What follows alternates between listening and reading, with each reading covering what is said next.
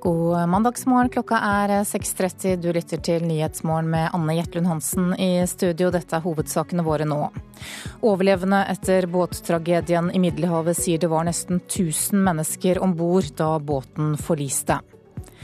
2% av gründerbedriftene lykkes ti år etter oppstarten. Ca. 1000 av 50 000 ble stående igjen som eh, suksessbedrifter etter ti år. Det sier forskningsleder Leo A. Grünfeldt i Menon Business Economics. Og næringsministeren er på vei inn i studio her straks for å fortelle hva hun vil gjøre for å skape flere suksesser. Dessuten, norske møbler og interiørprodukter gjør suksess i USA. De vil gjerne ha skandinavisk norsk, og ikke det som er laga i Østen. Det sier Erland Sjøvold i pleddfabrikken Røros Tweed. Det kan ha vært eh, enda flere flyktninger om bord i båten som sank i Middelhavet natt til i går enn tidligere antatt. En som overlevde tragedien, sier at det var 950 personer om bord i båten da den kantret, og etter to døgn så er det bare funnet 28 overlevende. Europakorrespondent Åse Marit Befring i Italia forteller hvordan letingen i området foregår. Ja, De har jo da søkt eh, med både helikoptre og marineskip og andre, andre, båter etter overlevende. Først søkte de etter overlevende, så har de begynt å søke etter døde.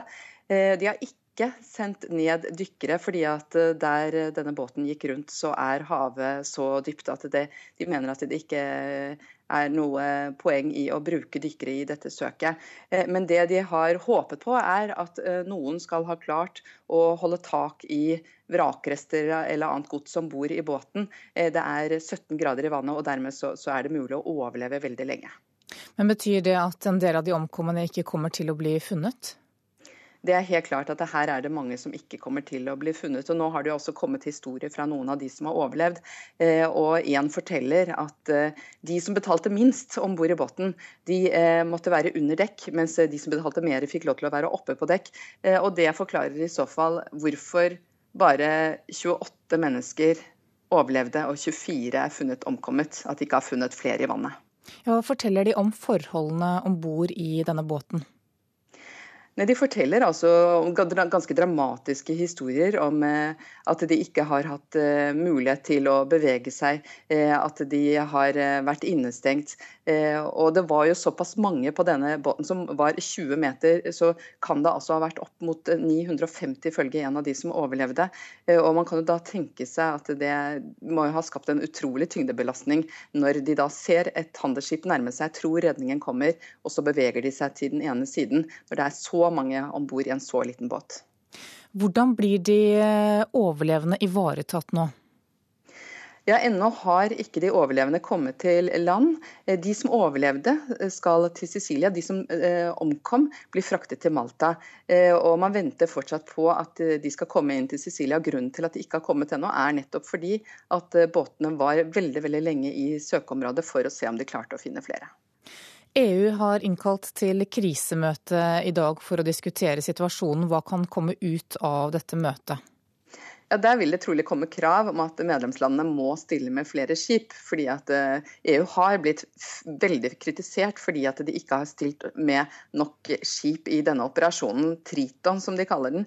Det har blitt eh, mer en grensepatrulje enn det har blitt en operasjon for å redde liv. Eh, og man ser jo nå at, at her går det mange liv. Veldig mange kommer til å dra ut fra Libya. Dette var en varslet katastrofe. Ja, det sa også Marit Befring da jeg snakket med henne rett før sending. Bare 2% av gründerbedriftene er suksesser ti år etter oppstart. Det viser en ny rapport som blir offentliggjort i dag. Men noen nordmenn har større gründersuksess enn andre. Det har vært så komplisert, da. Og sånn uten å overdrive, så tror jeg jeg har brukt liksom 80% av tiden min på administrasjon. Og så de resterende på det jeg egentlig kan, som er design og merkevarebygging. Allerede da NRK møtte væskegründer Karianne Sæther på tampen av fjoråret, var det klart at nystarterne i Norge sliter med å overleve. Synd, da, for det burde vært omvendt. Og kan også drepe kreativiteten, at man bare gir opp. Seters kuvesker lever like fullt i beste velgående ti år etter oppstart. Men hun er unntaket, bekrefter en rapport som gis ut i dag. Menon Business Economics har sett på titusener av bedrifter som har startet opp siden 2003. Mange av dem dør. Sier forskningsleder og partner Leo A. Grünfeldt. Hvor mange er det som da virkelig lykkes eh, etter ti år? Ja, Da er det ca. 1000 av 50 000 som blir stående igjen som eh, suksessbedrifter etter ti år. Og Det er jo en liten andel. Vi er vel da helt nede i 2 eh, Suksessbedriftene med fortsatt vekst har også noen fellestrekk. Det vi ser er at eh, I gruppen av bedrifter som lykkes, så finner vi oftere menn enn kvinner. Vi finner at de har en gjennomsnittsalder som, som ligger i overkant av, av 40 år. Vi finner dem i eh, enkelte næringer som er typisk kunnskapsintensive og kapitalintensive. Så um, I næringer hvor det er mindre kunnskapsintensitet, som f.eks. Eh, innenfor eh, personlig tjenesteyting, pleie og sånne ting, så er det mindre vekst. Seriegründere og bedrifter i storbyer klarer seg også bedre, viser rapporten som er bestilt av DNB. Og konserndirektør Kjerstin Bråten mener banken kan dra nytte av funnene.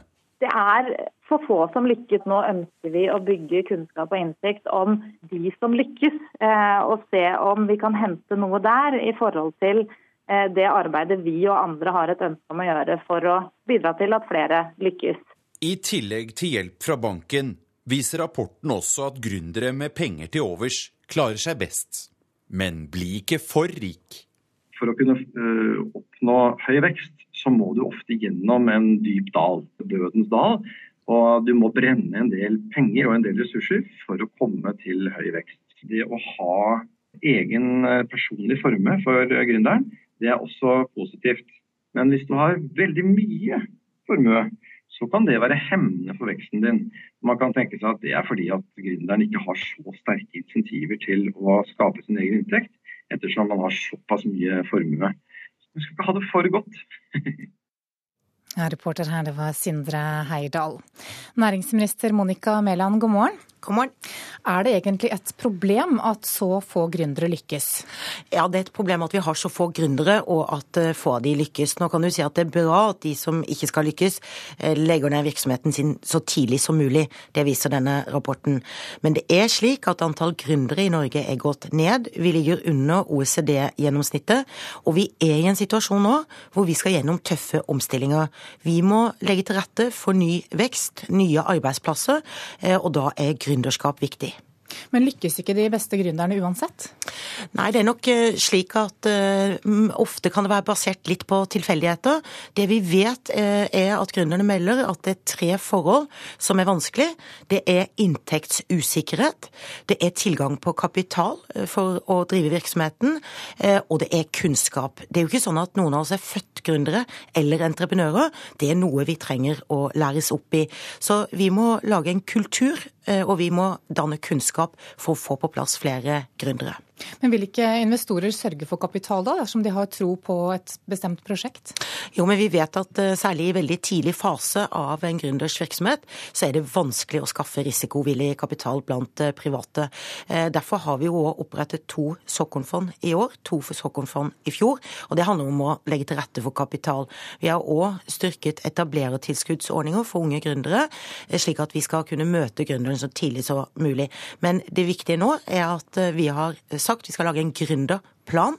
Eh, og det handler jo om å ha en politikk for gründerskap. Vi har altså gått i feil retning i Norge, og vi må nå legge til rette for flere gründere som kan skape nye arbeidsplasser. Hvordan skal denne planen sørge for det? Ja, Vi skal gå inn og se på hvilke rammebetingelser eh, gründere trenger, og ikke minst hvordan vi kan legge til rette for økt kunnskap, bl.a. blant unge. Eh, så vi skal nå lage en politikk for økt gründerskap. Eh, på samme måte som vi har en politikk for maritime næringer og for reiselivsbedrifter, så skal vi ha det for gründere. fordi dette trenger vi i en situasjon hvor vi trenger flere bein å stå på. Vi trenger å skape nye arbeidsplasser både innenfor eksisterende næringer og innenfor nye. Er det spesielle gründernæringer dere vil henvende dere til? Nei, Vi eh, vil nå snakke med mange gründere i hele landet.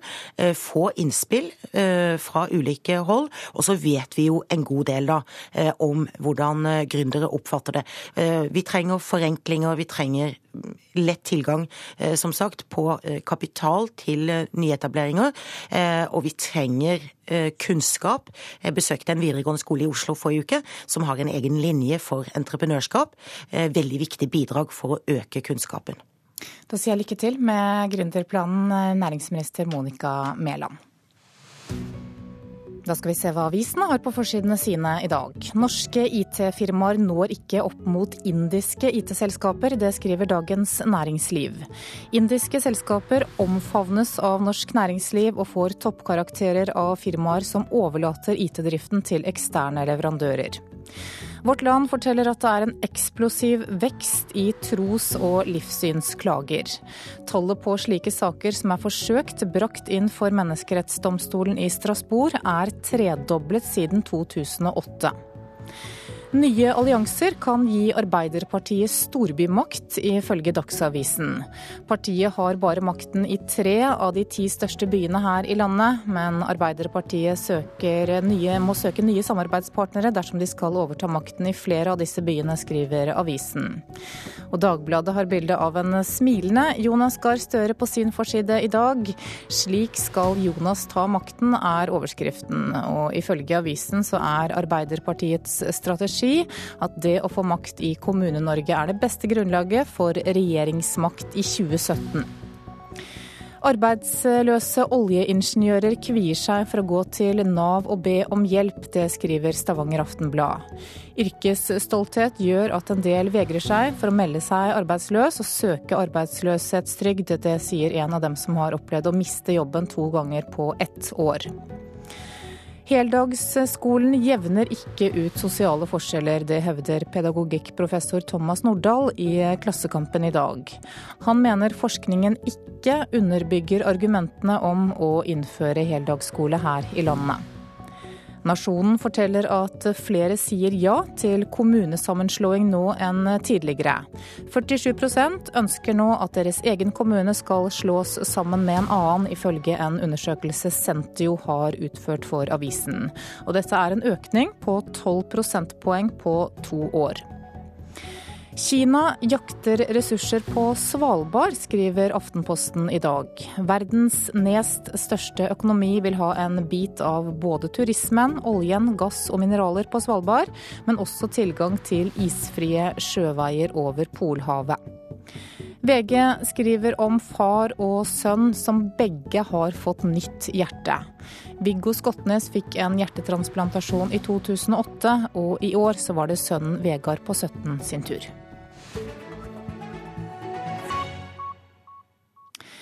I Finland så blir Senterpartiets leder Juha Sipila ny statsminister, mens det populistiske partiet Sandfinnene blir nest største parti i riksdagen.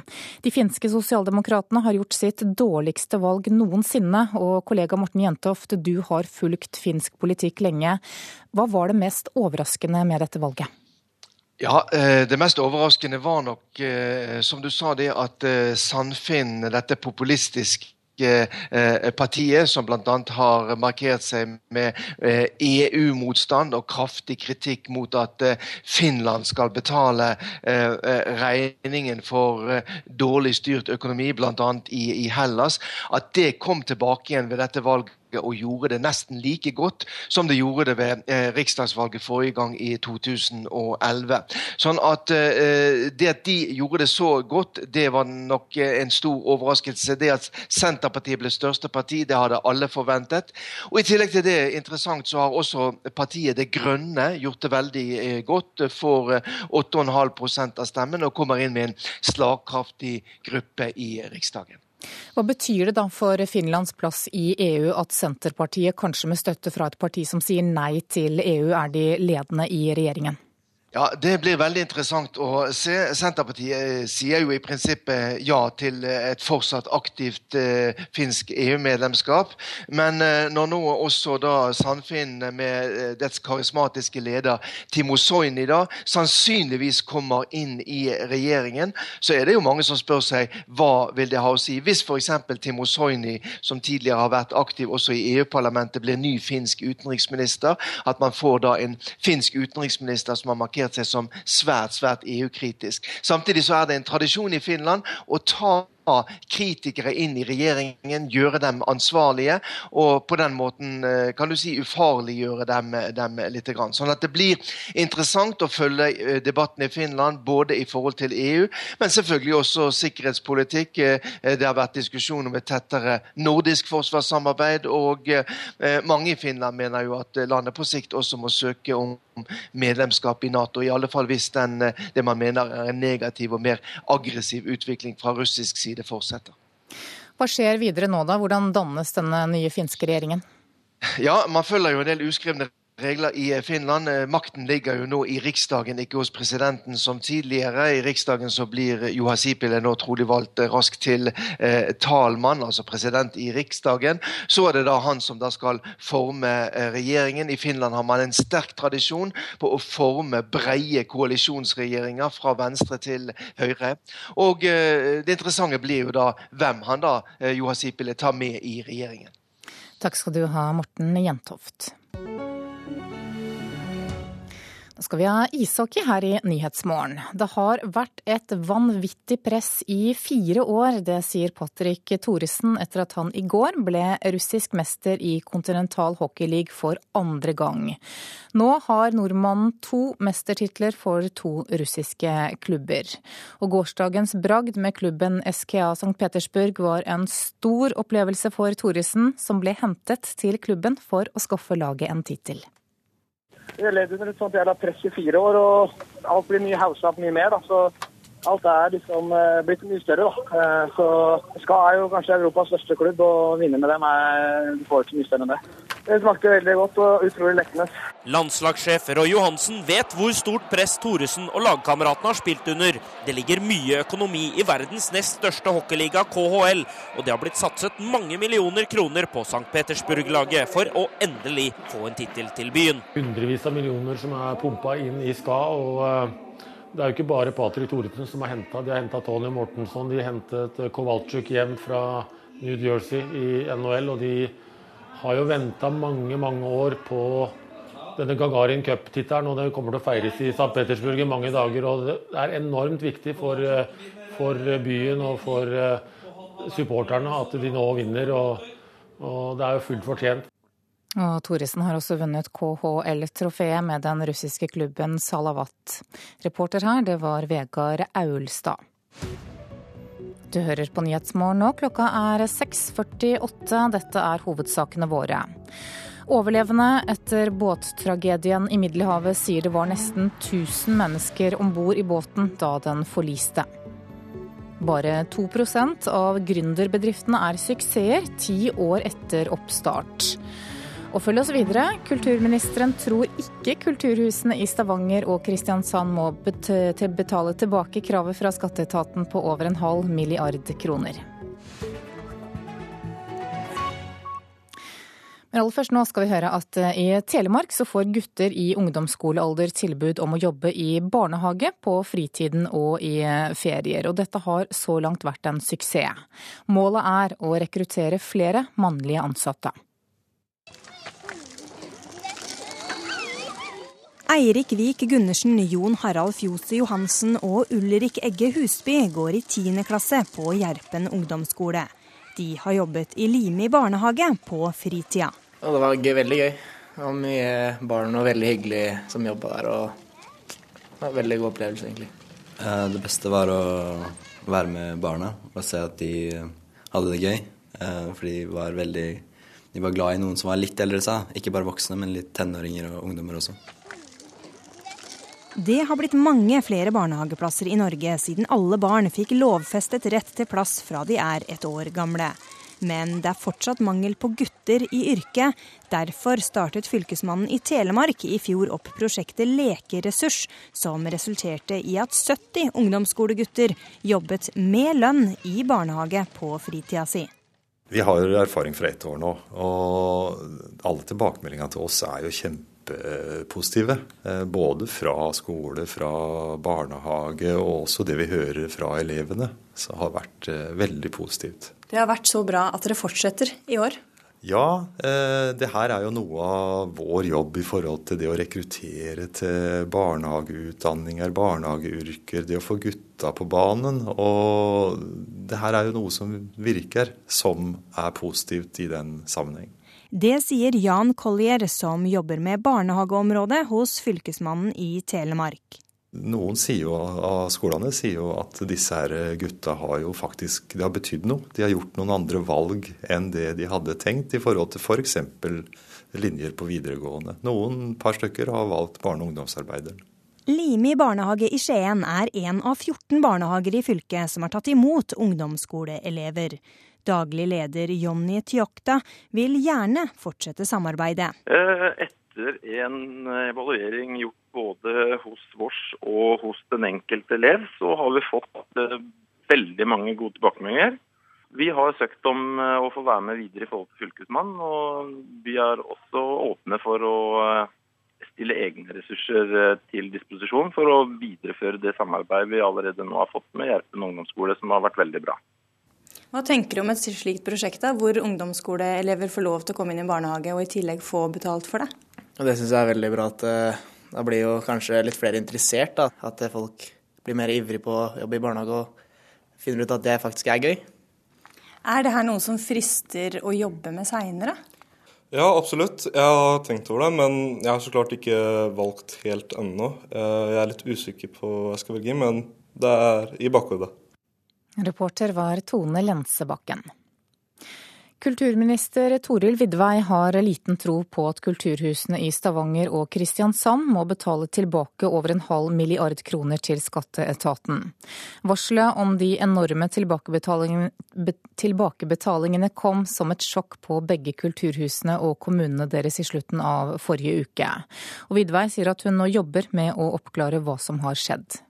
Denne saken må en åpenbart uh, få anledning til å, å, gå i dybden på. Her må det være et eller annet som ikke stemmer. Da Stavanger konserthus og Kilden i Kristiansand åpna i 2012, lå det en mulig tikkende momsbombe under begge kulturbyggene, som kosta henholdsvis 1,2 og 1,6 milliarder kroner. Forrige uke kom varselet til dem begge. Den enorme momskompensasjonen byggene har fått fra staten, må sannsynligvis betales tilbake. Vi nekter, sa en opprørt ordfører i Stavanger, Kristine Sagen Helgø, på fredag. Det kan vi ikke akseptere. Vi kommer til å kjempe mot dette. Og nå får ordføreren sympati fra kulturministeren. Ja, dette eh, høres jo veldig eh, merkelig ut. Det skulle folk i husene for å trekke folk til kulturhusene blir det ofte satt opp konserter med artister som Kari Bremnes, Halvdan Sivertsen og Vamp, som alle tre står på årets program i Stavanger konserthus. Men å bruke kommuneeide kulturbygg til den slags kommersiell virksomhet kan vise seg å bli dyrt. Skatteetaten begrunner forrige ukes varsel med at momskompensasjonen forutsetter at virksomheten ikke driver økonomisk aktivitet som er i konkurranse med andre virksomheter i området. Regelverket ser ut til å ha blitt strengere, og det kan få konsekvenser for kulturbygg i hele Norge, tror kulturforsker Georg Arnestad. Så det er en ganske kinkig nøtt, dette her. jeg vi tror at det samme gjelder for eh, større kulturhus, i alle fall rundt om i hele landet. Folk trenger hus, og hus trenger folk. Trenger kulturhus. Det finnes omtrent 120 av dem i hele Norge. Og hvis den nye, strenge tolkninga av regelverket går gjennom, er det katastrofe for alle kommuner med kulturbygg. Det mener styreleder i Norsk kulturhusnettverk, Rolf Cato Råde. For norske kommuner der de fleste kanskje er har det tøft fra før av, så vil jo noen sånne krav være nærmest katastrofale. Og Finansdepartementet skriver i en e-post til NRK at de ser frem til en dialog med kulturministeren om saken. Reporter her, det var Torkil Torsvik. På ett år har eksporten av norske møbler og interiørprodukter til det amerikanske markedet økt med over 20% Samtidig vokser optimismen i en bransje med lange tradisjoner i Norge, men som har slitt under etterdønningene av finanskrisen. Og i fabrikklokalene til pleddfabrikken Røros Tweed så merker daglig leder Erland Sjøvold at satsingen i USA gir uttelling. Og her har vi fire såkalte sjakard vevestoler som, eh, som går eh, hele tida og vever pledd. I fabrikklokalene til interiørbedrifter går vevstolene for fullt for å produsere det berømte Røros-pleddet. Ja, her er det støysone. Her, eh, nå er det bare fire stoler som går. Gjennom hele produksjonen, fra sau via garn og til ferdig pledd, er dette et heilnorsk produkt. Viktig for oss å profilere her som et 100% norsk produkt, og det er det etterspørsel etter i USA. De vil gjerne ha skandinavisk norsk, og ikke det som er laga i Østen. Bedriften er en av de som merker at norske møbler og interiørprodukt blir mer og mer populære i utlandet. Best går det i USA, der eksporten går opp med over 20 og til sammen eksporterer interiørbedriftene nå for nesten 6 milliarder kroner over hele verden. Kjærkommet, sier bransjesjef for møbel og interiør i Norsk Industri, Egil Sunde. Det betyr veldig mye, for vi har jo hatt en del tunge år etter finanskrisen. Og det at vi nå har en sånn uh, kraftig vekst i et av de viktigste eksportmarkedene, det vil være med å trekke opp verdiskapingen og kanskje også sysselsettingen i, i, industrien her hjemme. Jeg sa vel en gang det at det å drive møbelproduksjon i Norge er en ekstremsport, og det står jeg vel på fortsatt. Norge har, mangler en god del forutsetninger for å være virkelig toppen, og da tenker jeg spesielt på dette med kostnadsnivå og lønnsnivå. Det sier Rolf Petter Storvik Amdam, som er professor ved BI og har fulgt den norske møbelindustrien nøye. Han roser møbelprodusentene som har klart seg, men mener at vi i Norge i mindre grad enn i nabolandene har vært flinke til å ta vare på designarven fra etterkrigstida. Bare tenk på det faktum at SAS-hotellet i København ble vel bygd ca. 1960, og Arne Jacobsen kreerte eh, interiøret for dette hotellet, og dermed ble stående som en levende kontinuitet fra en gullalderdesign. Den eh, den brua der har nok Norge i mindre grad klart å ivareta. Men i 2015 er det framtidstru som preger bransjen, også hos Røros Tweed. Og bare dersom en lykkes med eksporten, kan bedriften vokse, tror daglig leder Erland Sjøvold. Vi ser at hvis vi skal vokse og, og, nå de volumene som vi ønsker, så kan ikke det skje i Norge. Da må vi til utlandet. Og reporter her var Lars Ivar Nordahl. Da skal vi se på et værvarsel som gjelder til midnatt. Fjellet i Sør-Norge kan vente seg nordvestlig bris. Frisk bris utsatte steder i nordlige områder og lettskyet pent vær. Agder, Telemark og Østlandet skiftende bris. På kysten vest for Kristiansand vestlig opp til frisk bris fra i ettermiddag. Ellers lettskyet pent vær. Vestlandet sør for Stad nordlig bris, lokalt frisk bris på kysten og stort sett pent vær. Møre og Romsdal skiftende bris, utrygt for tåke eller lave tåkeskyer på kysten, ellers stort sett pent vær. Trøndelag vestlig frisk bris, utsatte steder skyet, stort sett oppholdsvær. I sør opphold og perioder med sol. Nordland vestlig opp til frisk bris, i Vesterålen og i fjellet perioder med liten kuling, litt regn av og til, særlig i nord. Troms økning til vestlig eller sørvestlig liten kuling utsatte steder. Litt regn og snø over ca. 300 meter. Finnmark vestlig frisk bris. Fra i ettermiddag liten kuling på kysten i vest. Spredte sluddbyger. Fra i formiddag overgang til litt regn i vest. Fra i ettermiddag litt sludd eller regn også i øst. Og på Nordensjøland på Spitsbergen skiftende bris. Skyet eller delvis skyet og oppholdsvær. Så tar vi med temperaturene som ble målt klokka fem. Da hadde Svalbard lufthavn minus fem grader, Vardø og Alta tre, Tromsø to. Bodø fem, Brønnøysund seks, Trondheim og Molde to, Bergen tre, Stavanger seks, Kristiansand tre. Gardermoen og Lillehammer begge seks, Røros to og Oslo-Blindern seks plussgrader klokka fem i morges.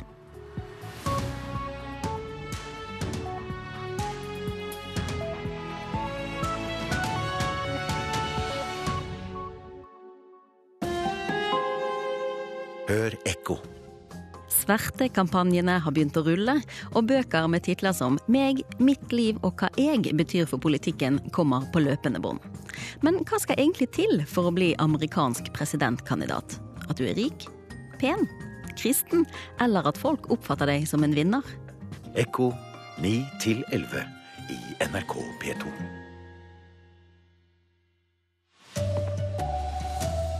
Krisemøte i EU i dag. Krav om at mer må gjøres for å hindre at flyktninger drukner i Middelhavet. Og Norge må legge bedre til rette for at nyetablerte bedrifter skal lykkes, sier næringsministeren. Her er NRK Dagsnytt klokka sju. Det kan ha vært enda flere flyktninger om bord i båten som sank i Middelhavet natt til i går, enn tidligere antatt. Overlevende forteller at det var 950 mennesker om bord da båten kantret. Bare 28 er funnet i live etter ulykken.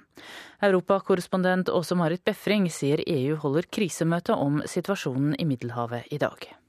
Ja, Der vil det trolig komme krav om at medlemslandene må stille med flere skip. fordi at EU har blitt veldig kritisert fordi at de ikke har stilt med nok skip i denne operasjonen, Triton som de kaller den. Det har blitt mer en grensepatrulje enn det har blitt en operasjon for å redde liv. Og Man ser jo nå at, at her går det mange liv. Veldig mange kommer til å dra ut fra Libya. Dette var en varslet katastrofe. Arbeiderpartileder Jonas Gahr Støre samlet i går landets partiledere til et opprop mot jødehets. Lørdag skrev 100 kjente personer fra finans- og kulturlivet i Norge under på et opprop i Aftenposten for å støtte norske jøder. Støre sier han vil følge opp oppropet, og i løpet av gårsdagen fikk han klarsignal fra de sju andre partilederne på Stortinget. I dag har de åtte partilederne et felles innlegg på trykk i samme avis.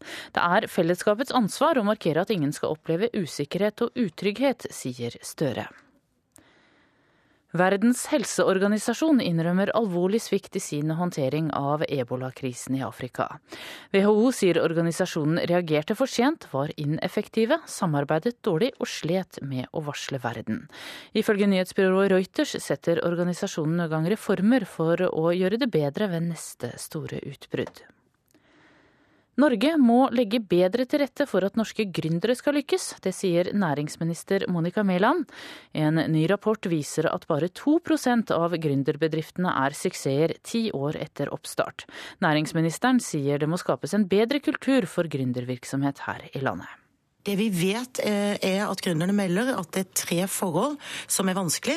Det er inntektsusikkerhet, det er tilgang på kapital for å drive virksomheten, og det er kunnskap. Det er jo ikke sånn at noen av oss er født gründere eller entreprenører. Det er noe vi trenger å læres opp i. Så vi må lage en kultur, og vi må danne kunnskap for å få på plass flere gründere. Flere innbyggere er nå positive til at kommunen de bor i slår seg sammen med naboen. På to år har ja-siden vokst fra 36 til 47% i undersøkelsen Sentio har gjort for Nasjonen. NRK Dagsnytt, Tone Nordahl. Klokka er 7.03 nå, og Nyhetsmorgen fortsetter med disse sakene. EU skal altså ha krisemøte i dag om båtflyktningene i Middelhavet. Samtidig kommer det flere detaljer om forholdene om bord i båten som kantret i helgen. Over en halv million pensjonister bruker nå nettbank, og det er en markant økning.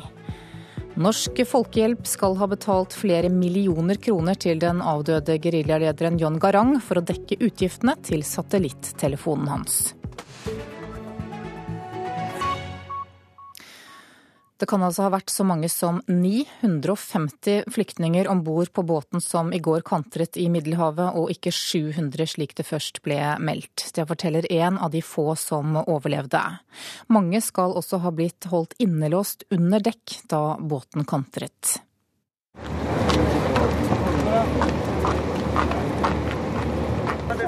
Noen ustø bein tar sine første skritt på europeisk jord.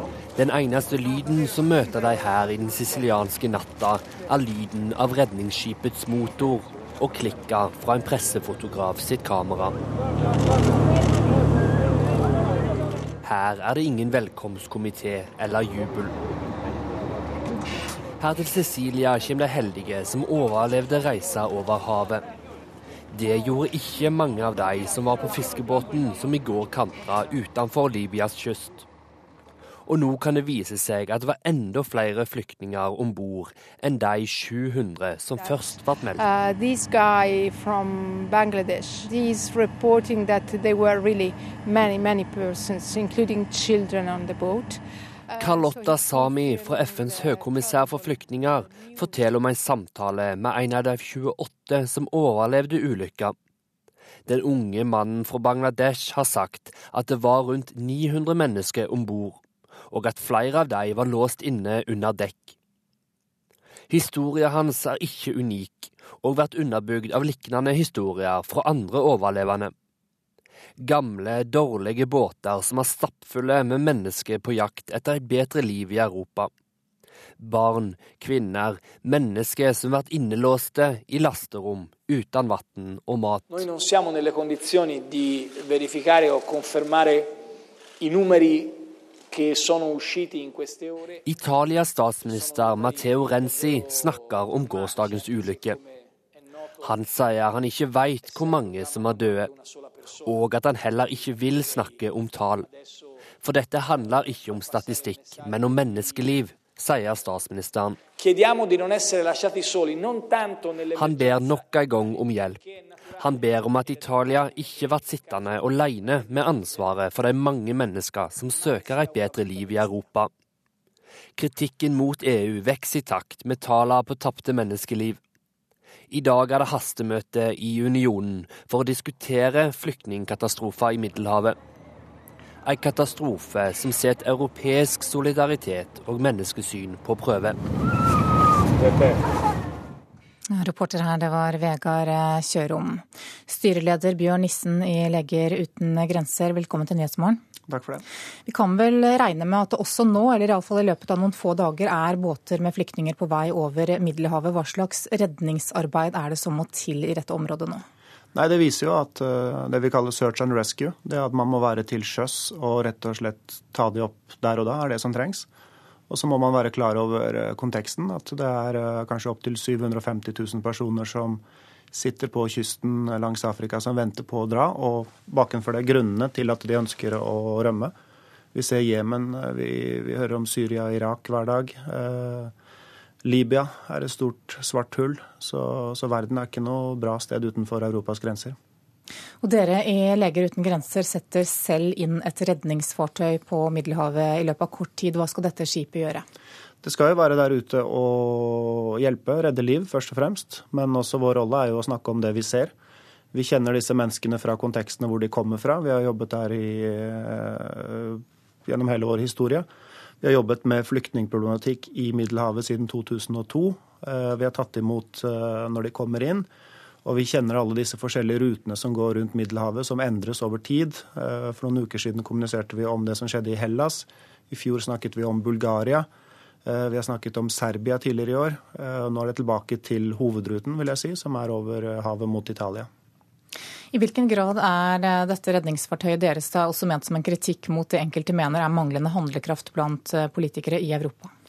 Vår rolle er å handle når vi ser en krise, ikke sitte på, på gjerdet og vente på at noe skal skje. Så vi, vi, prøver å vise gjennom handling at det går an å gjøre en forskjell.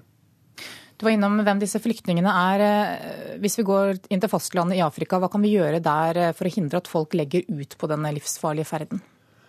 Det er et veldig veldig komplisert spørsmål. Dette går tilbake til eh, at folk faktisk flykter fra krig og elendighet, eh, og at man også har en nedfelt rettighet til å, til å søke om hjelp eh, når man kommer fra disse kontekstene. Konkret hva vi kan gjøre med menneskesmuglerne og det som skjer der, så det, dette er et politisk spørsmål. Det må politisk handlekraft til, og man må ta de nødvendige grepene der. Men det er ikke opp til oss å definere de.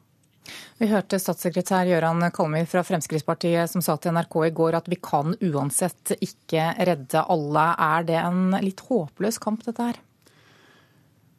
Både ja og nei. Det er jo det dilemmaet vi står overfor hver gang vi skal gå inn i en krisekontekst. Om det er denne eller om det er andre. Vi kan ikke redde alle, og det vet vi når vi går inn. Men vi må gå inn og gjøre vår, uh, vår plikt. Men Hva syns du om at det kommer slike utsagn fra norske politikere? Det er på tide med handling. Man kan ikke sitte og tenke, tenke, lenger. Eh, det kan like gjerne skje en slik katastrofe igjen eh, i løpet av noen få timer. Eh, det er ingen logikk at dette er den største og den siste. Så å sitte og si at nå må vi tenke bedre, nå må vi skjønne bedre, det, det er feil. For dette er en varslet katastrofe, og alle vet at den ville komme. Og Norge som sjøfartsnasjon, Norge som humanitær, som humanitær stormakt, vi må få ut fingeren. Styreleder Bjørn Nissen i Leger uten grenser, takk for at du kom hit til Nyhetsmorgen. Da skal vi høre at sju av ti alderspensjonister nå bruker nettbank. Det er en markant økning fra i fjor og en fordobling de siste fem årene, ifølge en fersk undersøkelse. Samtidig er det klart færre eldre som bruker bank via mobil. Kommunikasjonssjef i Finans Norge, Ann Håkonsen, er glad for at så mange bruker nettbank. Jeg syns det er eh, veldig gledelige tall. Vi tror jo at det er sånn at de eldre liker seg eh, hjemme i sin egen stue foran PC-en med kodebrikken og mulighet til å ringe banken hvis det skulle oppstå noen problemer. Sønnen min ordner for meg alt. Så det blir ikke aktuelt for mitt vedkommende. På Majorstua seniorsenter treffer vi litt eldre pensjonister. De spiser fiskegrøteng. Rundt dette bordet finner vi bare pensjonister som aldri kommer til å klikke seg inn på banken på nett. Tre av ti gjør nemlig fortsatt ikke det. At så mange som en halv million av de over 67 år nå bruker nettbank, syns pensjonist Jan Fischer er merkelig. Hva jeg tenker om det? Ja. De er gærne. Jeg har ikke stolt på dem, jeg. Jeg går i banken når jeg trenger penger, og så tar jeg ut det selv. Jeg, jeg, bruker ikke så mye. Jeg er minstepensjonist.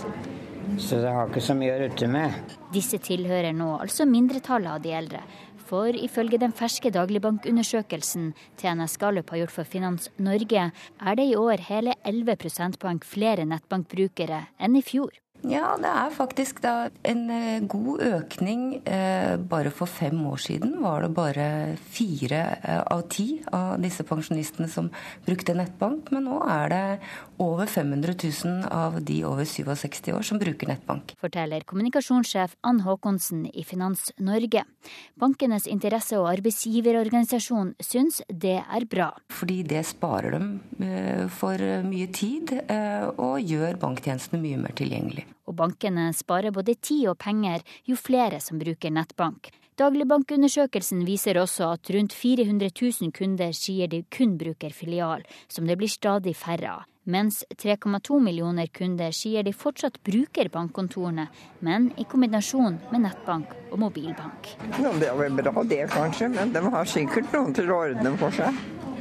Så du tror ikke de gjør det sjøl? Vi er ikke vokst opp med det der vi gamle, vet du. Jeg skjønner ikke noe av det. Og reporter her, det var Linda Reinholdsen. Klokka er 7.12 nå. Du hører på Nyhetsmorgen. Dette er hovedsakene våre. Overlevende etter båttragedien i Middelhavet sier det var nesten 1000 mennesker om bord i båten da den forliste. I dag blir den russiske ambassadøren i Norge kalt inn til det norske utenriksdepartementet.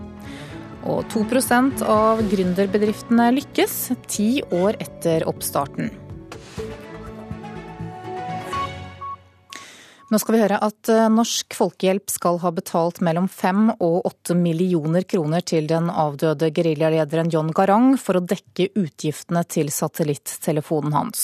Det kommer frem i en ny bok som tidligere generalsekretær i Folkehjelpen, Halle Jørn Hansen, skriver. Utgiftene ble holdt skjult på organisasjonens driftsbudsjett. We are fighting to create what we call a new Sudan. Opprørslederen John Garang sitter i bushen i Sør-Sudan på begynnelsen av 90-tallet og forteller NRK hvordan han ser for seg et nytt og fritt Sudan hvis hans SPLMA vinner borgerkrigen mot islamistene i nord. Og det var mange som forsøkte å hjelpe for å få til en løsning på den blodige krigen. En av dem var Norsk Folkehjelp.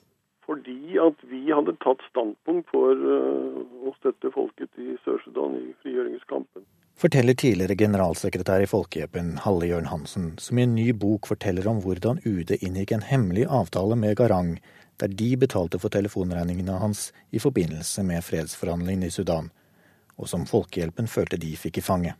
Betalingen for bruken av en satellittelefon som opprinnelig kom fra den norske regjeringen til eh, John Garang, så mente vi at det var jo Det ville være politisk uansvarlig ikke å betale. De konsekvensene ville være store.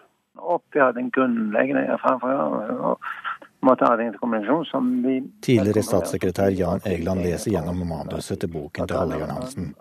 Telefonen i sin tid ble opprettet for den, de forhandlingene som var i Norge i 94 og 95. Altså Det norske engasjementet var jo over i 95-96. Og da var det også slutt på eh, enhver mulighet for UD til å finansiere dette. For problemet oppsto da UD avsluttet sin avtale med Garang, samtidig som geriljalederen ikke sluttet å bruke sin satellittelefon. Abonnementet ble aldri stoppet, og Halle fikk en telefon fra Folkehjelpens mann i Kenya. Halle, jeg har fått en faktura fra et, et gitt firma i Kenya på en, en satellittelefon eh, for John Garang som var på ca. 100 000 dollar. Og, og vel vitende om at Garang var midt i et militært slag, så betalte Folkehjelpen regningen, som da var på 600 000 kroner, og bakte dem inn i driftskostnadene til Sudan-programmet.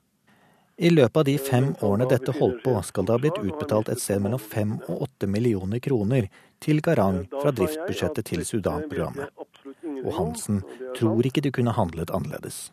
Jeg tror ikke det. Jeg tror at vi gjorde det vi kunne og måtte gjøre i den situasjonen vi var i. Fordi at eh, når det ikke nyttet for oss å snakke med UD, eh, så var jo dette nokså håpløst. Men eh, nei, nei, jeg, jeg mener i ettertid at det vi gjorde, var det vi måtte gjøre. Og reporter her, det var Christian Aanensen.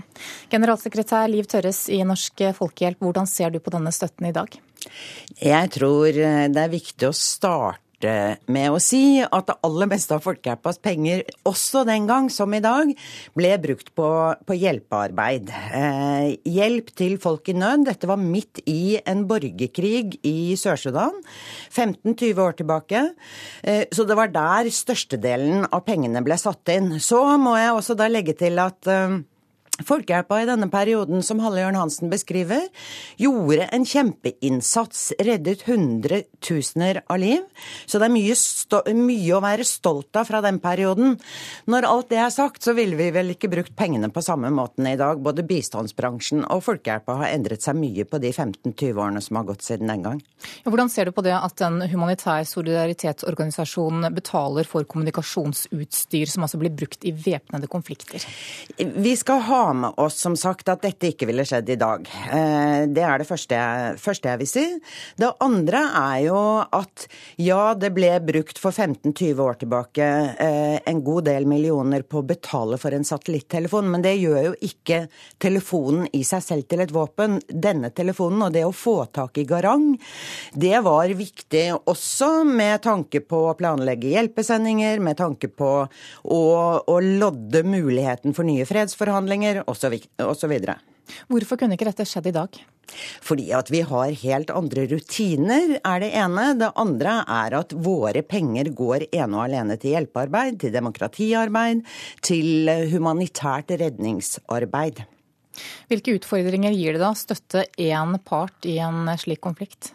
Dette var en borgerkrig. Eh, en av verdens verste, hvor folk i Sør-Sudan var utsatt for enorme overgrep. Det var eh, vel anerkjent i internasjonal sammenheng at det å støtte folket i Sør-Sudan med primært eh, hjelpe, hjelpesendinger, nødhjelp, var viktig i den situasjonen den gang. Men uh, gir det ikke utfordringer å støtte den ene parten med slik støtte, altså millioner av kroner til en satellittelefon? Men det var, det var, et folk i Sør-Sudan som fikk støtte. Sånn sett så var det ikke én side. Det var eh, ett folk eh, som fikk hjelp, og det var primært med penger til nødhjelp. Det var det mesteparten av pengene gikk til. Hvordan ryddet dere opp i dette her? Dette ble ryddet opp i i 2001-2002 med en gang arvtakerne kom inn etter at Halle Jørn Hansen sluttet. Eh, og pengestøtten ble avsluttet eh, umiddelbart i 2002, det er jeg kjent med. Liv Tørres, generalsekretær i Norsk Folkehjelp, takk for at du kom hit til eh, Nyhetsmorgen. Takk, takk. I dag blir den russiske ambassadøren i Norge innkalt til Utenriksdepartementet for å forklare hvorfor den russiske visestatsministeren Dmitrij Rogozin besøkte Svalbard på lørdag, selv om han står på Norges liste over uønskede personer. Rogozin er på listen etter at han åpent støttet den russiske annekteringen av Krim. Men i Russland så får han støtte for handlingene, korrespondent Morten Jentoft i Moskva. Ja, det tror jeg kan nesten garantere. Det er ikke så veldig mange som har uttalt seg foreløpig. Saken har fått stor oppmerksomhet her i Russland.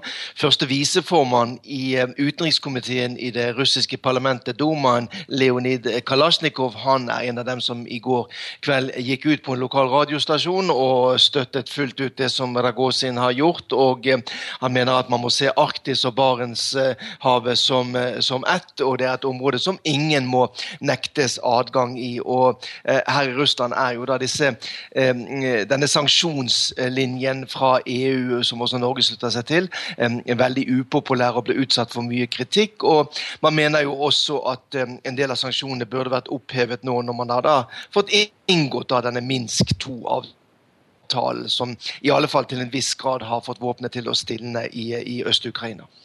Hvem er Dmitrij Rogozin, og hva slags posisjon har han i Russland? Ja, Han er jo nå uh, første visestatsminister, da, så han har jo da en, en, en posisjon som ansvarlig bl.a. for Arktis og også for den russiske våpenindustrien. Uh, men han ble først kjent som en meget aggressiv nasjonalistisk politiker uh, som gikk hardt ut både mot innvandrere her i hovedstaden Moskva, uh, senere kjent for sin aggressive ordbruk også mot land som Georgia, Ukraina. han har vært en hard forkjemper for eh, russisktalende minoriteter i eh, utlandet. Og, eh, men, for, men, han ble likevel da tatt inn i varmen av den russiske regjeringen og presidenten Vladimir Putin, og gjort til russisk Nato-ambassadør, eh, der han eh, ifølge mange da ikke bidro særlig konstruktivt til å utdype samarbeidet mellom Nato og Russland. Sånn at Han er kjent som en aggressiv nasjonalistisk eh, politiker, men som nok snakker på vegne av eh, veldig mange her i, i, i, Russland, også når det gjelder spørsmålet om Svalbard og Arktis. Hva slags konsekvenser kan denne saken ha å si for forholdet mellom Norge og Russland? Ja, Det er jo veldig mange som lurer på det. Kommer Norge nå til å innføre andre regler for eh, personer som kommer fra eh, utlandet til Svalbard, f.eks. fra eh, Russland? Vil det bli innført eh, eh, kontroll, eh, passkontroll, visumkontroll på flyplassen i Longyearbyen? så langt har jo dette vært på en måte et område der man fritt har kunnet reise inn når man er underskrivere av denne Svalbardpakten. Sånn at det blir interessant å se hva Norge gjør her. og hva blir blir da reaksjonen igjen fra Russland? Ønsker man fra russisk side da å eh, sette situasjonen på Svalbard mer på spissen? Eh, det er jo noe som man har fryktet kan komme til å skje. Kort til slutt, Hvor alvorlig er det at den russiske ambassadøren altså blir innkalt til det norske utenriksdepartementet?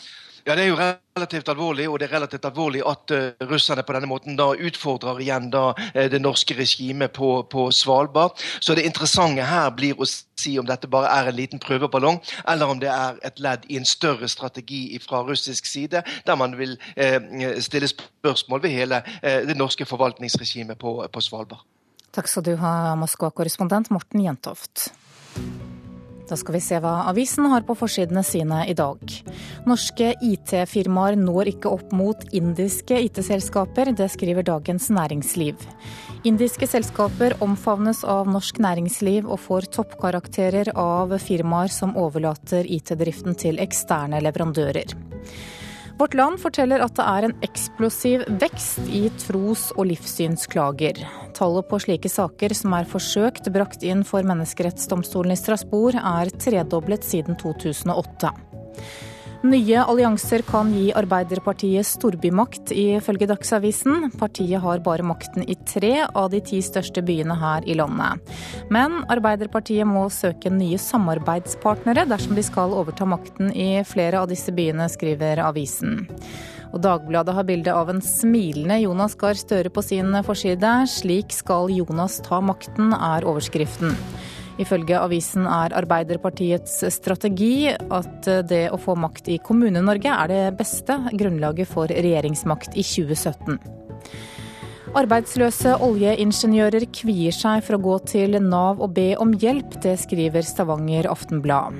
Yrkesstolthet gjør at en del vegrer seg for å melde seg arbeidsløs og søke arbeidsløshetstrygd, sier en av dem som har opplevd å miste jobben to ganger på ett år.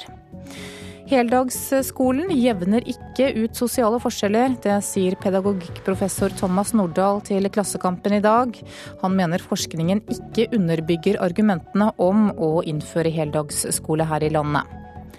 Nasjonen forteller at flere sier ja til kommunesammenslåing nå enn tidligere. 47% ønsker nå at deres egen kommune skal slås sammen med en annen, ifølge en undersøkelse Sentio har gjort.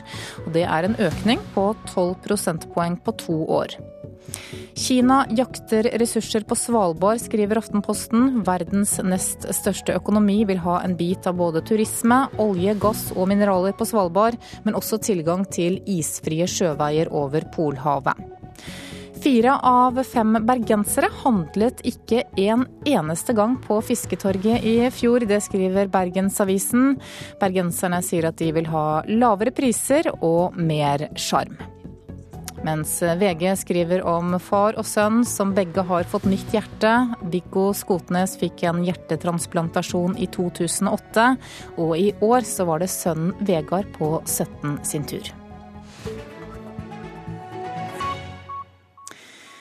Hold til høyre, det er oppfordringen fra syklist og mosjonist Arnt Aasland. Han vil innføre høyrejogging, høyregåing og høyresykling på norske turveier for å redusere tallet på ulykker og konflikter. Et skilt på vei inn til de mest populære stiene skal minne brukerne på høyreregelen, mener han. Det er masse syklister rundt vannet her. Du må ikke, du må ikke gå mellom tre og fem. Og da sykler de hjem fra jobb. Jeg har jo vært oppe i noen ulykker hvor de har rett og slett kjørt som mer, sykla som mer. Ulykker, nestenulykker og konflikter mellom syklister og gående, det er sikre vårtegn på norske turstier.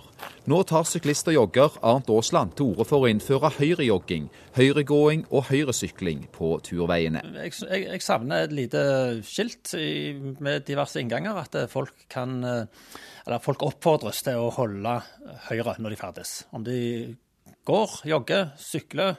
Arnt Aasland har kjent problemer på kroppen, både som syklist og når han har vært ute på løpetur. Jeg jogger mye rundt Mosvannet og Stokkavannet. Og da treffer jeg på en del folk, som, ikke mange, men det er en del, som da holder venstresida. Og det er klart, Kommer det en syklist, eller kommer du joggende, så skal du plutselig vike vei. Så kommer det en syklist imot, så blir det fort en konflikt. Ja, Jeg vet ikke hvor mange ganger jeg har sykla langs dere. Jeg har ikke hatt problemer med å passere én fotgjenger. Jeg. jeg må bare ta ned farten som gjør at det blir problemfritt for han jeg passerer. Det sier Roar Børresen, som leder sykkelsatsingen til Stavanger kommune. Han ber de på to hjul ta hensyn til de på to bein, og syns folk skal få gå og jogge både på høyre og venstre side av turstiene. Nei, jeg eh, har vel ikke helt sansen. Jeg tenker at når du går tur langs Stokkavatnet, så går du kanskje sammen med noen, eh, så du prater med dem. Hvis du skal gå på rekka da, så blir det lite sosialt og vanskelig å få en kjekk tur rundt Stokkavatnet. Veldig greit hvis de ringer. Det er ikke alle som ringer. Så er det helt greit. Demper de farten, eller er det bånn gass forbi? Ja, det går bånn gass. Dette er jo et greit tempo, syns du ikke det? Jo, jeg var ikke så gal. Har du en sånn fartsgrense du setter for deg sjøl? Ja, du må jo kunne ha kontrollen. Og så er det ikke noe kjekt å sykle fort her. Det er jo mye unger, og det er jo en opplevelsestur. Jeg har snakket med en uh, syklist i dag som mente hvorfor kunne ikke alle bare holdt høyre rundt vannet, enten du går med hund eller Ikke sant vel. Og ja. det er akkurat det samme for meg som går med en hund som går og værer fram og tilbake. Jeg prøver jo å holde ei side, og jeg holder du høyre. Du holder venstre nå, er det? jeg er tvungen over her nå. Jeg prøver det så godt jeg kan.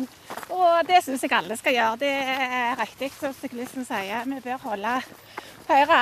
Og så hadde det gjerne vært svart for en del ulykker. Er det snakk om å iverksette tiltak for oss å sørge for ja, større trivsel på, på turstiene? Enn så lenge så satser vi på at uh, syklistene er smarte folk og klarer å vise hensyn uh, til turgående langs vann. Det er klart du skal ta hensyn når du sykler rundt stiene, men da syns jeg at det er de som går på feil side, som jeg sier, da kan de ta hensyn heller og flytte seg. Ja, Det sa altså Arnt Aasland, som altså vil ha deg på høyre side av turstien. Reporter her, det var Johan Mile Laugaland. Du lytter til Nyhetsmorgen nå. Klokka nærmer seg 7.30 og Dagsnytt. I reportasjen etter det skal du få høre at i Russland så er det de rike som merker mest til den økonomiske krisen og de vestlige straffetiltakene. Produsent for Nyhetsmorgen var Silje Katrine Bjørke, og i studio Anne Jetlund Hansen. Spillerom i dag. Da, bam,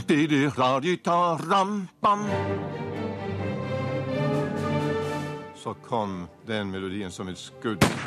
Høyre Harald Sæverud sjøl forteller hvordan vreden over den tyske okkupasjonsmakta fikk han til å skrive kjempeviseslåtten.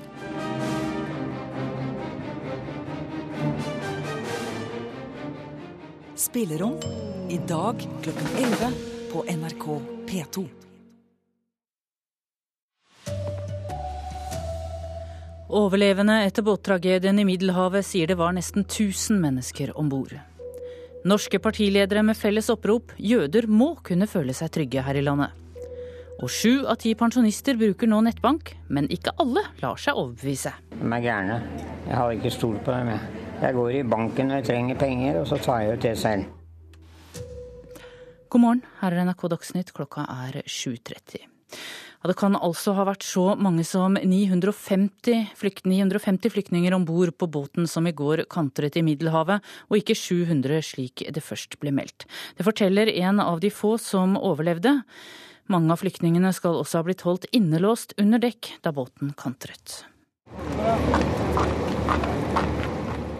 Noen ustø bein tar sine første skritt på europeisk jord. Her er det ingen velkomstkomité eller jubel. Her til Cecilia kommer de heldige som overlevde reisa over havet. Det gjorde ikke mange av de som var på fiskebåten som i går kantra utenfor Libyas kyst. Really many, many persons, Carlotta Sami fra FNs høykommissær for flyktninger forteller om en samtale med en av de 28 som overlevde ulykka.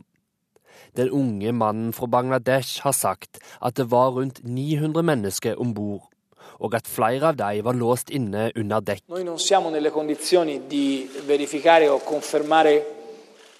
Italias statsminister Matteo Renzi snakker om gårsdagens ulykke. Han sier han ikke veit hvor mange som er døde, og at han heller ikke vil snakke om tall. For dette handler ikke om statistikk, men om menneskeliv sier statsministeren.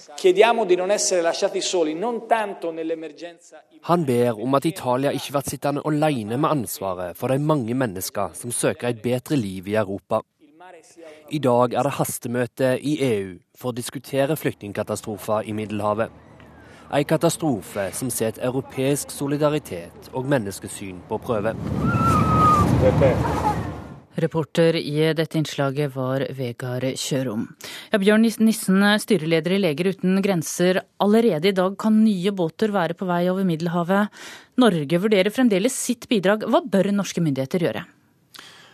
Jeg syns at Norge kan uh, vise handlekraft, gå foran og være et eksempel. Uh, det er mange som sitter på gjerdet, uh, ikke bare Norge. Så hvis vi går ut konkret og sier at her kan vi bidra og hjelpe, så følger andre etter oss. Ja, Hvordan viser Norge handlekraft helt konkret? Hva skal vi gjøre?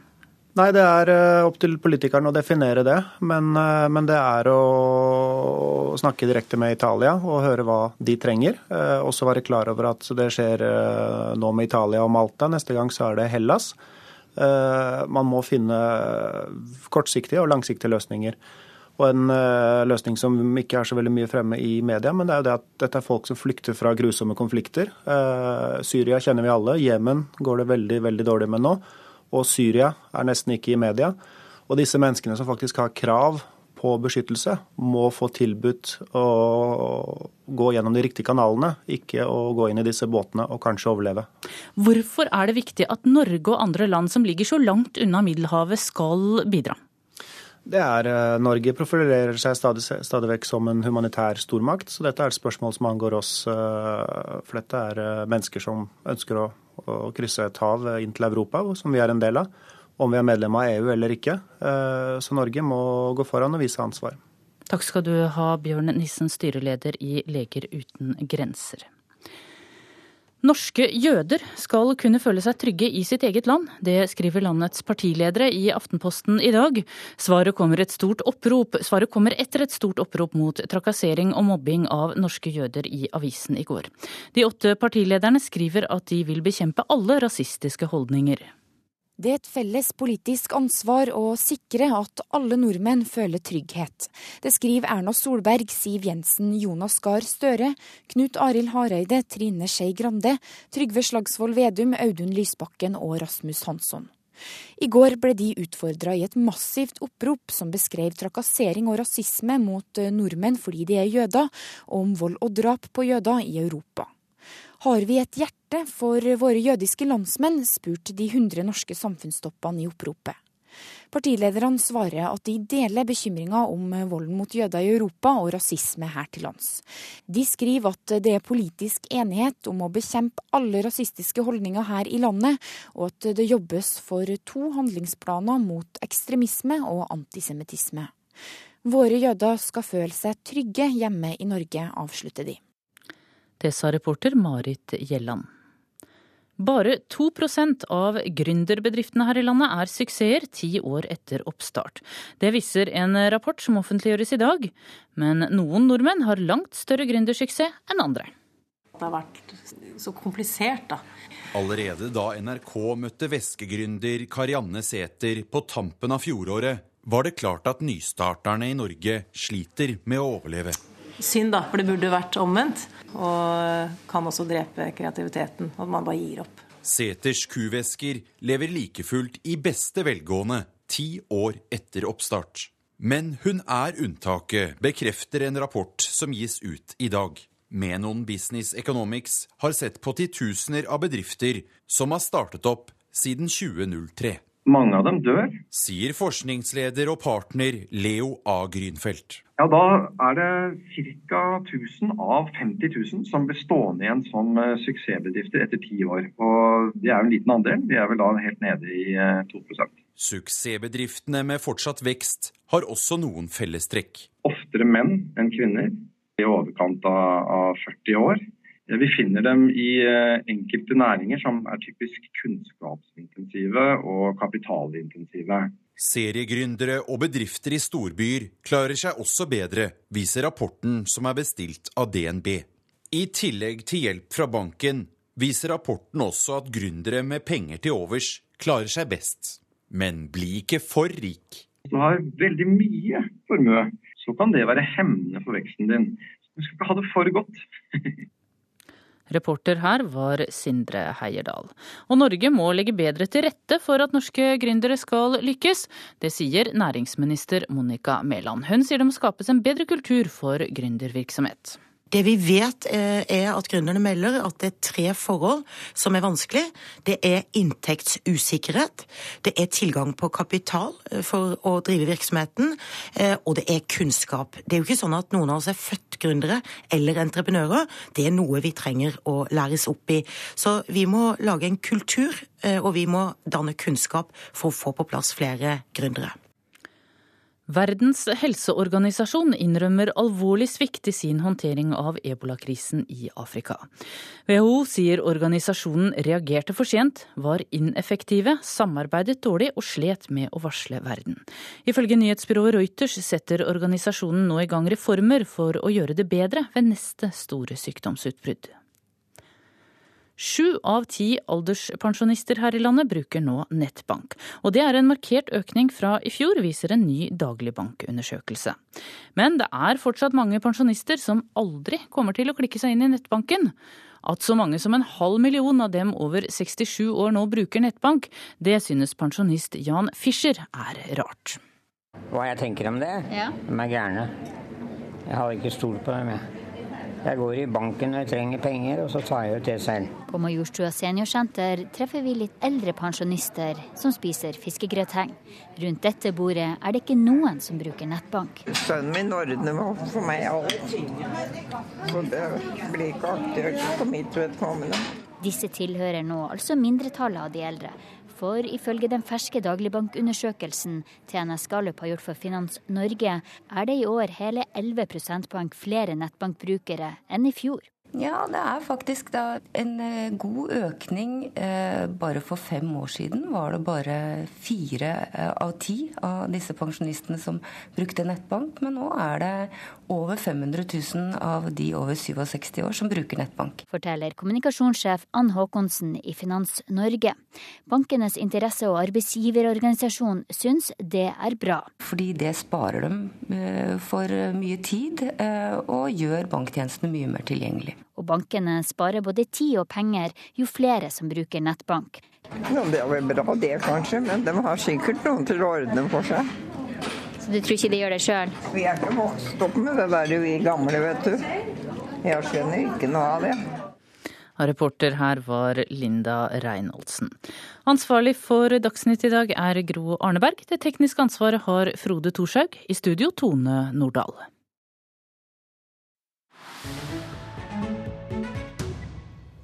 Klokka er 7.40, eh, og i Nyhetsmorgen nå så skal vi til vårt store naboland i øst. Det er ikke alltid like lett å være russer i alminnelighet, men i disse dager så har de rike også problemer. For det er de som merker mest til den økonomiske krisen og de vestlige straffetiltakene. Biler og reiser i luksussjiktet blir avbestilt, men støtten til president Vladimir Putin og politikken hans er fortsatt like sterk, forteller Jan Espen Kruse.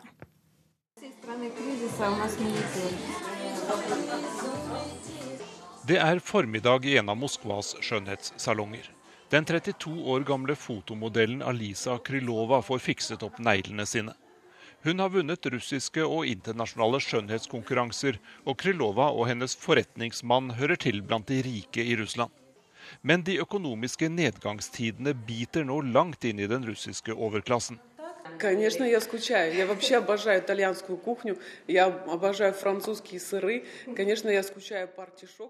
er mye jeg savner etter at de vestlige straffetiltakene gjorde handel mellom Vest- og Øst-Europa vanskelig, sier Krylova. Hun nevner i fleng franske oster, artisjokker, trøfler og annen mat fra Italia. Den russiske skjønnheten har også blitt nødt til å avbestille den nye Mercedesen hun har gått og ventet på.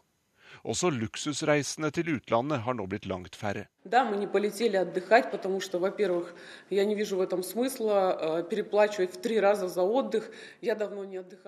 Den siste tiden har vi ikke reist på kostbare utenlandsferier.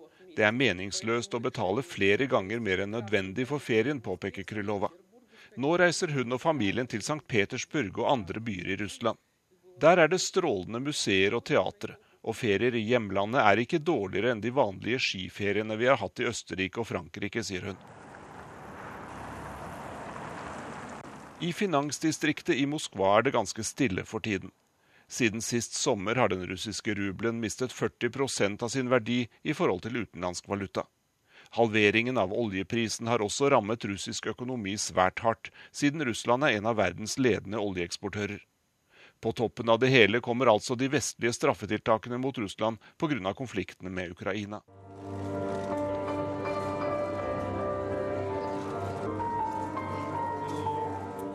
Moteuka i Moskva har vanligvis vært et sted der de rike russerne har boltret seg. Denne gangen er stemningen ganske annerledes.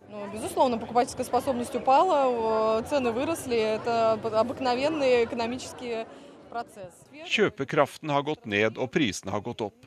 Det påvirker alle områder, både mat, olje, banker og motebransjen, sier en ung kvinne som har kommet for å se kolleksjonen til en russisk designer. På prestisjerestauranten The Russian Seasons er det mange ledige bord. Her koster en middag for to fort opp mot 10 000 kroner. Restaurantens leder bekrefter at den russiske eliten nå bruker mindre penger på å spise ute. Det virker som om de rike russerne har gått i hi, og at de vil holde seg borte inntil den økonomiske stormen har blåst over. Смотря что, чего касаться, да, касаться продуктов нет, не отразилось, потому что изначально ресторан как русский сезон да, был. Vår restaurant satser på russiske råvarer, men de har også blitt dyrere, sier restaurantsjef Vladimir Tikhomirov. Han ser at de rike russerne nå kommer sjeldnere innom det luksuriøse spisestedet. Etter at Vladimir Putin kom til makten i år 2000, gjorde han det klart at den rike eliten skulle holde seg unna politikken. Til gjengjeld skulle de få beholde rikdommene de hadde skaffet seg på mer eller mindre tvilsomt vis. Nå ber presidenten rikingene om å hente kapitalen de har plassert i vestlige land, tilbake til Russland. Ifølge russiske meningsmålinger har Putin nå en oppslutning på om lag 88 Selv om økonomien er på vei nedover, har Russlands leder fortsatt støtte fra både fattig og rik. Og de som måtte være uenige, holder det nok klokelig for seg selv. Klokka nærmer seg 7.45. Du lytter til Nyhetsmorgen, og dette er hovedsakene våre. Overlevende etter båttragedien i Middelhavet sier at det var nesten 1000 mennesker om bord da båten sank. Bare 28 overlevende er funnet. Norske jøder skal kunne føle seg trygge i sitt eget land, det skriver landets partiledere i Aftenposten i dag. Og bare 2% av gründerbedriftene er suksesser ti år etter oppstart. Du skal straks få Politisk kvarter, og programleder der er Bjørn Myklebust.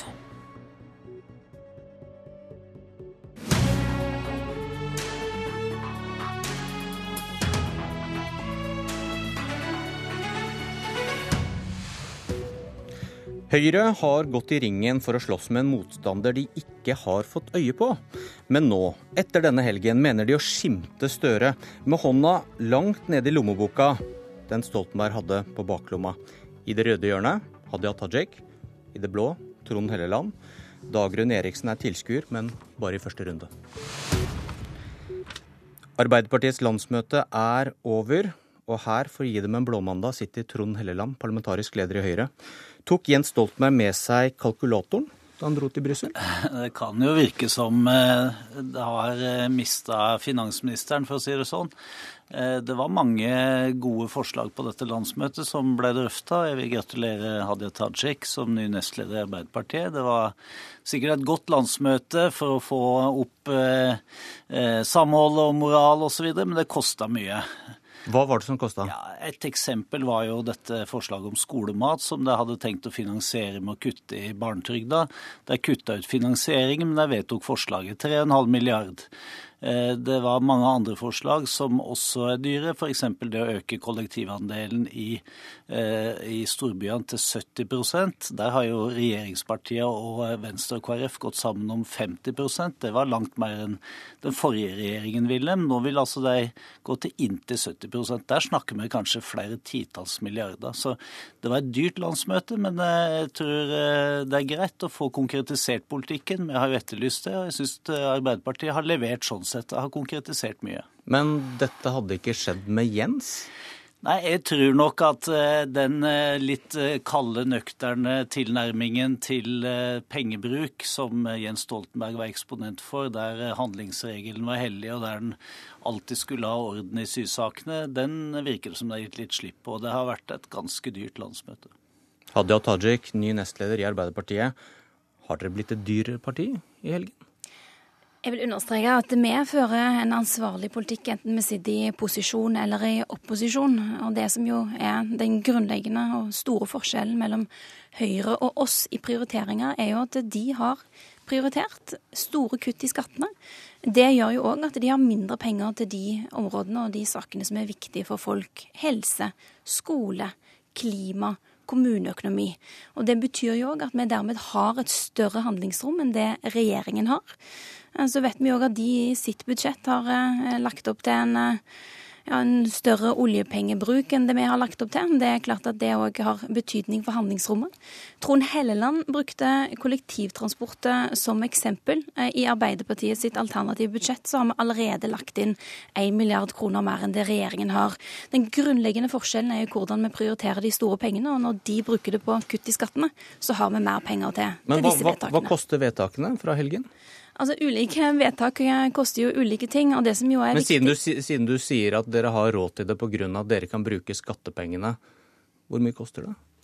Noen vedtak er jo av en sånn karakter at vi kan begynne å jobbe med de allerede nå. Altså Fra mandag kan vi begynne å jobbe fram representantforslag, legge det fram i Stortinget, forsøke å få et flertall om de. Andre forslag er av en sånn karakter at det må brukes noe mer tid. Innføre det gradvis, innføre det etter hvert. Så du vet ikke hva det koster? Vi har selvfølgelig ikke satt oss ned og beregna alle forslagene i detalj, men det vi vet, er at vårt handlingsrom er mange milliarder kroner større enn handlingsrommet til Høyre og Fremskrittspartiet. Og det stemmer vel, Helleland? Det er jo riktig at eh, vi ikke ønsker å øke skattene for eh, folk flest, eh, som Arbeiderpartiet nå må gjøre med den politikken de legger opp til. Men det å si at en skal kunne finansiere alt dette med våre skatteletter, det er vel å tro på julenissen. Det er så mange store, tunge løfter at det er langt mer utgiftsdrivende enn det jeg hadde forventa. Det, det, det, er jo symptomatisk når Hadia Tajik sier at nei, vi har ikke regna på det. Det er jeg helt sikker på at Arbeiderpartiet ville gjort hvis de var i posisjon. Da ville de regna på hver krone. Men nå er de i opposisjon. Skolepolitikken har de på en måte gitt SV svar på det de spurte om i åtte år i regjering, nemlig å innføre skolemat og gå for heldagsskole osv. Det har på en måte begått et identitetstyveri for SV, men SV sitter jo nå utenfor regjering, og det gjør Arbeiderpartiet også. Men dere har, dere har gitt 16 milliarder i skattelette vel i deres ja. to første budsjetter. Mm. Men kan du sannsynliggjøre at det de har lovet, koster mer enn det? Ja, altså Hvis du skal innføre skolemat 3,5 milliard kroner, hvis du skal f.eks. Ta, eh, ta et annet eksempel. Jeg har jo veldig stor sans for dette med å ta inn flere flyktninger fra Syria.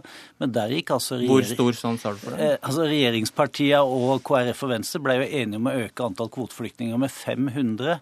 Og så sier Arbeiderpartiet nå, og det stemte Arbeiderpartiet mot, nå sier de at de skal gå inn for 5000 i år og 5000 neste år. Det er milliardbeløp vi snakker om. Det er veldig bra, men det er klart det koster veldig mye også. Så det er ikke noe tvil om at her er pengene brukt opp før det har kommet i gang. Altså Her har vi det gode, gamle kalkulatorpartiet Høyre. Det første de drar fram når man diskuterer politikk, er ikke hva som er viktig for folk. Det er å regne på kroner og øre. Selvfølgelig fører Arbeiderpartiet en ansvarlig og ambisiøs politikk. Vi setter klare klare mål. Noen av de må vi gjennomføre i løpet av kort tid, hvis eh, Høyre, KrF og de andre partiene vil være med på det når vi legger fram forslag om det på Stortinget. Jeg mener flyktninger, altså Kvoteflyktninger fra Syria er et godt eksempel på det. Vi, er, vi ser nå at i Syria så er det en av eh, vår tids virkelig store humanitære katastrofer. Det har vi et ansvar for å altså være med på å gi en, en bedre framtid for noen av de menneskene. Eh, og det eh, at Hvorfor vi Hvorfor stemte dere imot da i, i, når vi behandla budsjettet for 2015. Nå er vi inne i 2015, og dere har sagt at dere skal ta 5000 kvoteflyktninger. Dere stemte imot de 500 vi ble enige om i statsbudsjettet. Arbeiderpartiet kan ombestemme seg på to uker, hørte jeg. Nå, nå, virker det som Trond Helleland er eh, irritert over at vi har en mer ambisiøs politikk på dette området enn det regjeringen har. Jeg skulle ønske at tilnærmingen i stedet var at vi satte oss ned sammen på tvers av partiene. Så kan vi kunne gjøre for verdens flyktninger. Og nå har jo vårt vedtak vært særlig knytta til situasjonen i Syria og behov for å ta imot flere kvoteflyktninger der. Vi har, vi har en gjest til, men før det vil jeg bare sitere Dagens Næringsliv, Hadia Tajik.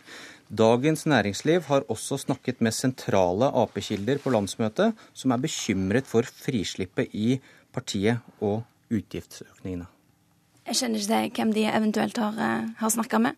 Men eh, når vi har gjort eh, vurderinger, jeg satt jo selv og leda en av redaksjonskomiteene knytta til helse, så gjorde vi grundige vurderinger av hver enkelt formulering, hvert enkelt forslag, om hvilket ambisjonsnivå det var vi skulle legge oss på. Og jeg er veldig trygg på at de helhetlige vurderingene vi her har gjort, sammen med våre folk i finanskomiteen, er et forslag som bærer i sum. Og at det har betydning for, hver, for menneskers hverdag i Norge. I midten Dagrun Eriksen, nestleder i Kristelig Folkeparti. Hvem har rett? Jeg tror Arbeiderpartiet ville tjent på å være litt mer ærlige om at de har eh, snudd i ganske mange store, viktige saker. Det er en ærlig sak. Det er et landsmøte som bestemmer. Det ville vært sånn også i KrF. Men de protesterer vel ikke på at de har vedtatt det de har vedtatt, men at summen er uansvarlig. Ja, men det, er, altså det høres jo ut som at dette her ikke er snuoperasjoner på ganske store saker som de nettopp har stemt imot. Det tror jeg det ville tjent på å være mye mer ærlig om. Eh, så ser jo jeg nå et forskjell. altså Jeg syns nesten at her har de bytta litt side. Eh, når Høyre på slutten av åtte år med et rød-grønt styre eh, var ganske mye mer villig til å være med på en del av de forslagene som vi mente var bra for folk, da holdt Arbeiderpartiet igjen. At Arbeiderpartiet skulle snu så fort som de har gjort på en del saker nå, det syns jeg er bra for sakene. Men nå er de i opposisjon og har en litt mer løssluppen holdning til det. Det som blir viktigst for KrF i den tida som kommer framover, det er jo om vi faktisk finner gode løsninger. Det er jo ikke tvil om at vi f.eks. på flyktningfeltet har hatt et kjempeproblem i norsk politikk. Vi har hatt et Arbeiderparti som har ligget helt nært opp til Fremskrittspartiet, eh, og vi ikke har hatt mulighet til å kunne finne bedre løsninger på det. Hvis dette hamskiftet her syns jeg er kjempebra for de det faktisk gjelder. Eh, når det gjelder flyktninger, når det gjelder asylbarn, så er det gode toner for oss i KrF. Hva vil du si til eh, Høyre som skal ha landsmøte til helgen når det gjelder syriske flyktninger? Nei, Vi skal jo også ha dette til vårt. Altså Antallet har jo ikke KrF heller gått inn for enda. Vi skal jo også ha dette opp på vårt landsmøte. Hva mener du? Jeg mener at vi bør ha absolutt hjerterom til å ta Dette er en av de største katastrofene vi har. Å ta 10 eh, 000? Jeg skal la landsmøtet bestemme. Nå er jeg med i ledelsen og skal ikke. KrFU har gått for 10 000 og levert inn resolusjon for oss, og så får vi få en diskusjon på, på antallet. Men at vi bør ha større romslighet enn det vi klarte å få til de økte 500, mener jeg absolutt. For dette er den største krisen vi har. Eh, og hele regionen der nede trenger at Norge er med og tar sin andel for å lette på det trykket som er der nede. Det betyr at her er vi villige til å bruke penger, selv om det koster. Så kan vi heller la skolemat og en del andre ting som jeg mener ikke egentlig akkurat nå bygger opp om det vi ønsker for norsk skole. Jeg syns det er mange andre ting vi trenger inn i norsk skole enn f.eks. skolemat og heldagsskole. Helleland, vil du holde på lommeboka når det gjelder syriske flyktninger? Vi, vi helt ikke på lommeboka, men vi må ha realistiske eh, forslag. Og nå ser vi samtidig som eh, flyktningvedtaket på Arbeiderpartiets landsmøte kommer, så ser vi altså at eh, situasjonen i Middelhavet med båtflyktningene er verre enn noen gang. Tragiske skjebner. Vi ser bilder av hver dag på TV. I dag samles EU til krisemøte. og jeg tror Norge Men hva sier du? Vi har, ikke, vi har ikke råd til alt? er det det du sier? Jeg sier at vi er enige med KrF med om å bruke 1% av BNI på bistand, og så trenger vi også bruke mye på flyktninger. Men hvordan vi innretter dette, om det skal være 10 000 syrere spesifikt, som en kaller en symbolsak med det tallet, eller å gå inn der du kan hjelpe mest. F.eks. vet vi at det, det, å hjelpe i nærområdene gir jo mye mer effekt. Du kan, eh, kan gjøre mye der. Du kan hjelpe til med operasjonene i Middelhavet. Og du kan ta inn flere kvoteflyktninger. Det er vi åpne for å diskutere, men å, å liksom hive opp et tall og si at det, sånn skal det være når vi vet at det sitter 6000 eh, asylsøkere og venter på bosetting i norske kommuner. Da må vi gjøre noe grunnleggende med hele den kjeden der. Og vi ønsker ikke å tvinge kommuner til å bosette innbyggere, vi ønsker at det skal være positivt. Kan det ende Eriksen, med at dere må gå til noen med en åpnere lommebok for å få syriske flyktninger til Norge? At dere og Venstre må snu deg til Hadia Tajik? Altså, det er jo det som er det positive med dette landsmøtet til Arbeiderpartiet, som nå har lagt opp til en helt annen holdning når det gjelder både asylsøker- og flyktningpolitikk, er jo at det er blitt en ny dynamikk i Stortinget. Men vi er forplikta på å prøve å finne løsninger med eh, høyresida først. Det håper jeg at vi skal. Norge trenger det. Eh, og ikke minst så trenger alle flyktningene eh, trenger at vi gjør det. Men det skal gjøres innenfor en ansvarlig ramme. Eh, sånn at hvis Arbeiderpartiet nå eh, kommer til å stå for det de faktisk har gjort på landsmøtet i en helhet, så syns jeg det gir en spennende dynamikk. Og så får vi se hvor mange vi klarer å ta. De vi skal ta imot, må vi ta imot på en skikkelig måte. Vi har eh, på vårt landsmøte sett framover. Vi har lytta til de diskusjonene som har eh, foregått. Vi har forholdt oss til det som er situasjonen i verden. Og det betyr jo at det på noen områder er behov for å justere politikken sin noe. Det, det mener jeg er helt riktig framgangsmåte for et eh, parti som er moderne, framtidsretta og ambisiøst.